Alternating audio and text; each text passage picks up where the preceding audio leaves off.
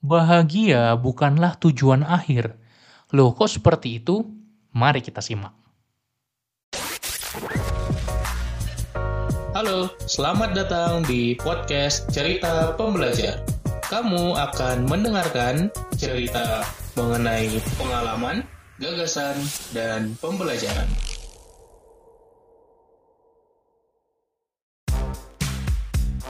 Season 12 Digital Nomad Journey Setahun penuh, solo traveling keliling Jawa, Bali, Lombok, naik motor backpack.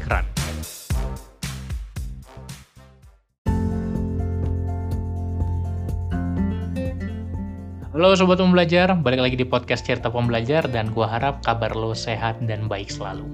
Mentor gue bilang bahwa kebahagiaan itu punya level-levelnya. Level 1 yang dinamakan pleasure atau kenikmatan, di mana kita merasa nikmat, senang ketika melakukan sesuatu atau menyelesaikan sesuatu. Nikmat karena makan, karena pelukan, itu adalah level yang pertama. Level kedua adalah passion atau kita senang sekali melakukan sesuatu. Kita punya kegembiraan-kegembiraan ketika kita melakukan yang kita sukai. Ini adalah orang ini akan dirasakan oleh orang yang bekerja sesuai passionnya, sesuai yang dia sukai. Sebagaimana kita melakukan hobi kita. Lalu level yang ketiga atau yang paling atas adalah purpose atau meaning, punya makna. Tujuan kita ini dalam hidup apa? Kita punya makna atau enggak? Apa yang kita kontribusikan buat orang lain? Jadi kebahagiaan itu spektrumnya ada banyak. Dan sebenarnya ini adalah simplifikasi dari banyak teori-teori kebahagiaan yang bisa lo baca. Gue banyak baca jurnal-jurnal riset-riset psikologi tentang kebahagiaan dan kita bisa bagikan dengan banyak sekali spektrumnya tadi. Gak cuma happy aja gitu. Happy itu punya cabang-cabangnya. Ada yang sifatnya nikmat, pleasure tadi, ada passion gitu kan. Ada nanti engagement, ada juga fulfillment, contentment gitu ya. Kalau bahasa Inggris banyak. Ada juga joy, kegembiraan. Jadi spektrumnya banyak sekali. Nah, sering sekali kita mencoba menjadikan bahagia sebagai tujuan akhir. Apa keinginan lo dalam hidup ini? Semua orang akan jawab sama, bahagia. Lo sebenarnya pengen apa sih? Goal lo apa di hidup ini? Bahagia. Dan sering sekali kita membuat parameter semu bahwa untuk kita jadi bahagia kita harus sukses. Kita kerja, kerja, kerja, dan banyak sekali bekerja di hal-hal yang nggak kita suka Memang ada case-case di mana orang terpaksa dan lain-lain, tapi secara umum kita masih punya pilihan. Kita sering kali bekerja atau memilih bekerja di tempat yang kita tidak suka hanya karena uangnya banyak, supaya kita nanti sukses, supaya kita nanti banyak uang, dan harapannya dengan kita sukses kita akan jadi bahagia. Sayangnya, udah banyak sekali penelitian, buku-buku yang menjelaskan tidak demikian. Belum menjamin kalau nanti kita sukses secara material, secara duniawi, kita akan menjadi bahagia. Maka sebenarnya kita tidak lagi membuat bahagia jadi tujuan akhir, Kenapa kita harus buat dulu, oke, okay, kerja dulu, dapat uang dulu, baru sukses, baru bahagia. Kalau kita buat, oke, okay, aku mau bahagia sekarang, bisa nggak? Bisa.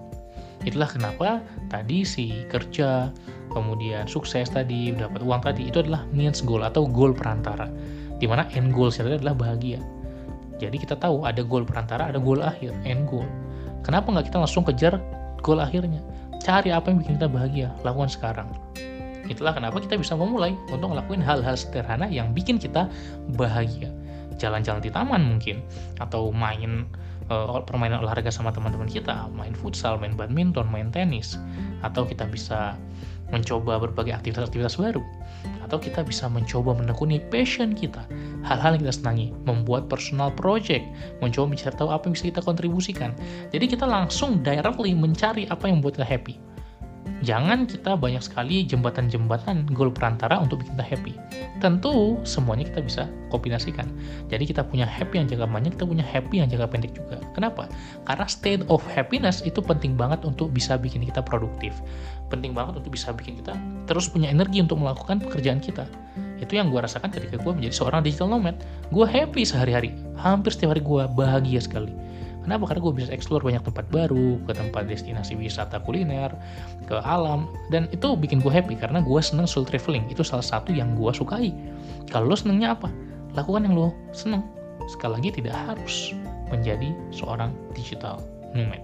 Seperti gue, lo bisa lakukan apa pun yang lo inginkan asalkan yang lo senang, yang bikin lo bahagia.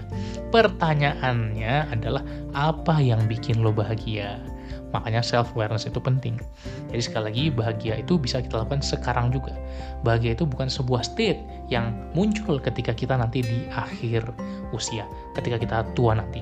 Tapi kita bisa cari sekarang apa yang bisa aku lakukan sekarang yang bisa membuatku bahagia. Mulai lakukan hari ini dan sering kali dalam konsep Ikigai ya ada istilahnya joy of little things atau kegembiraan dari hal-hal kecil coba kita cari apa hal-hal kecil yang bisa bikin kita gembira kalau buat kamu apa? Kalau buat aku enjoy aja. Pagi hari aku ke balkon kamarku di lantai dua dan itu aku ada kursi ada meja di sana aku bawa buku. Aku nggak belum belum buka HP sama sekali. Biasanya itu sekitar jam 7.20 sampai jam 8 itu aku uh, seduh kopi juga wah itu nikmat banget coy rasanya. Minum kopi kadang uh, pisang makan pisang terus kemudian sambil baca buku. Itu buat aku sangat gembira sangat menyenangkan. Kemudian bisa juga bagaimana kita memicu hormon-hormon kita dopamin dan lain-lain serotonin salah satunya adalah dengan olahraga juga. Itu juga bisa bikin gembira tapi sekali lagi balik ke setiap orang. Karena setiap orang trigger kebahagiaannya itu bisa berbeda-beda. Yang memicu kebahagiaan setiap orang bisa berbeda-beda. Carilah apa yang membuat kamu bahagia dan perbanyak lakukan mulai hari ini. Aku menemukan banyak kebahagiaan-kebahagiaan baru.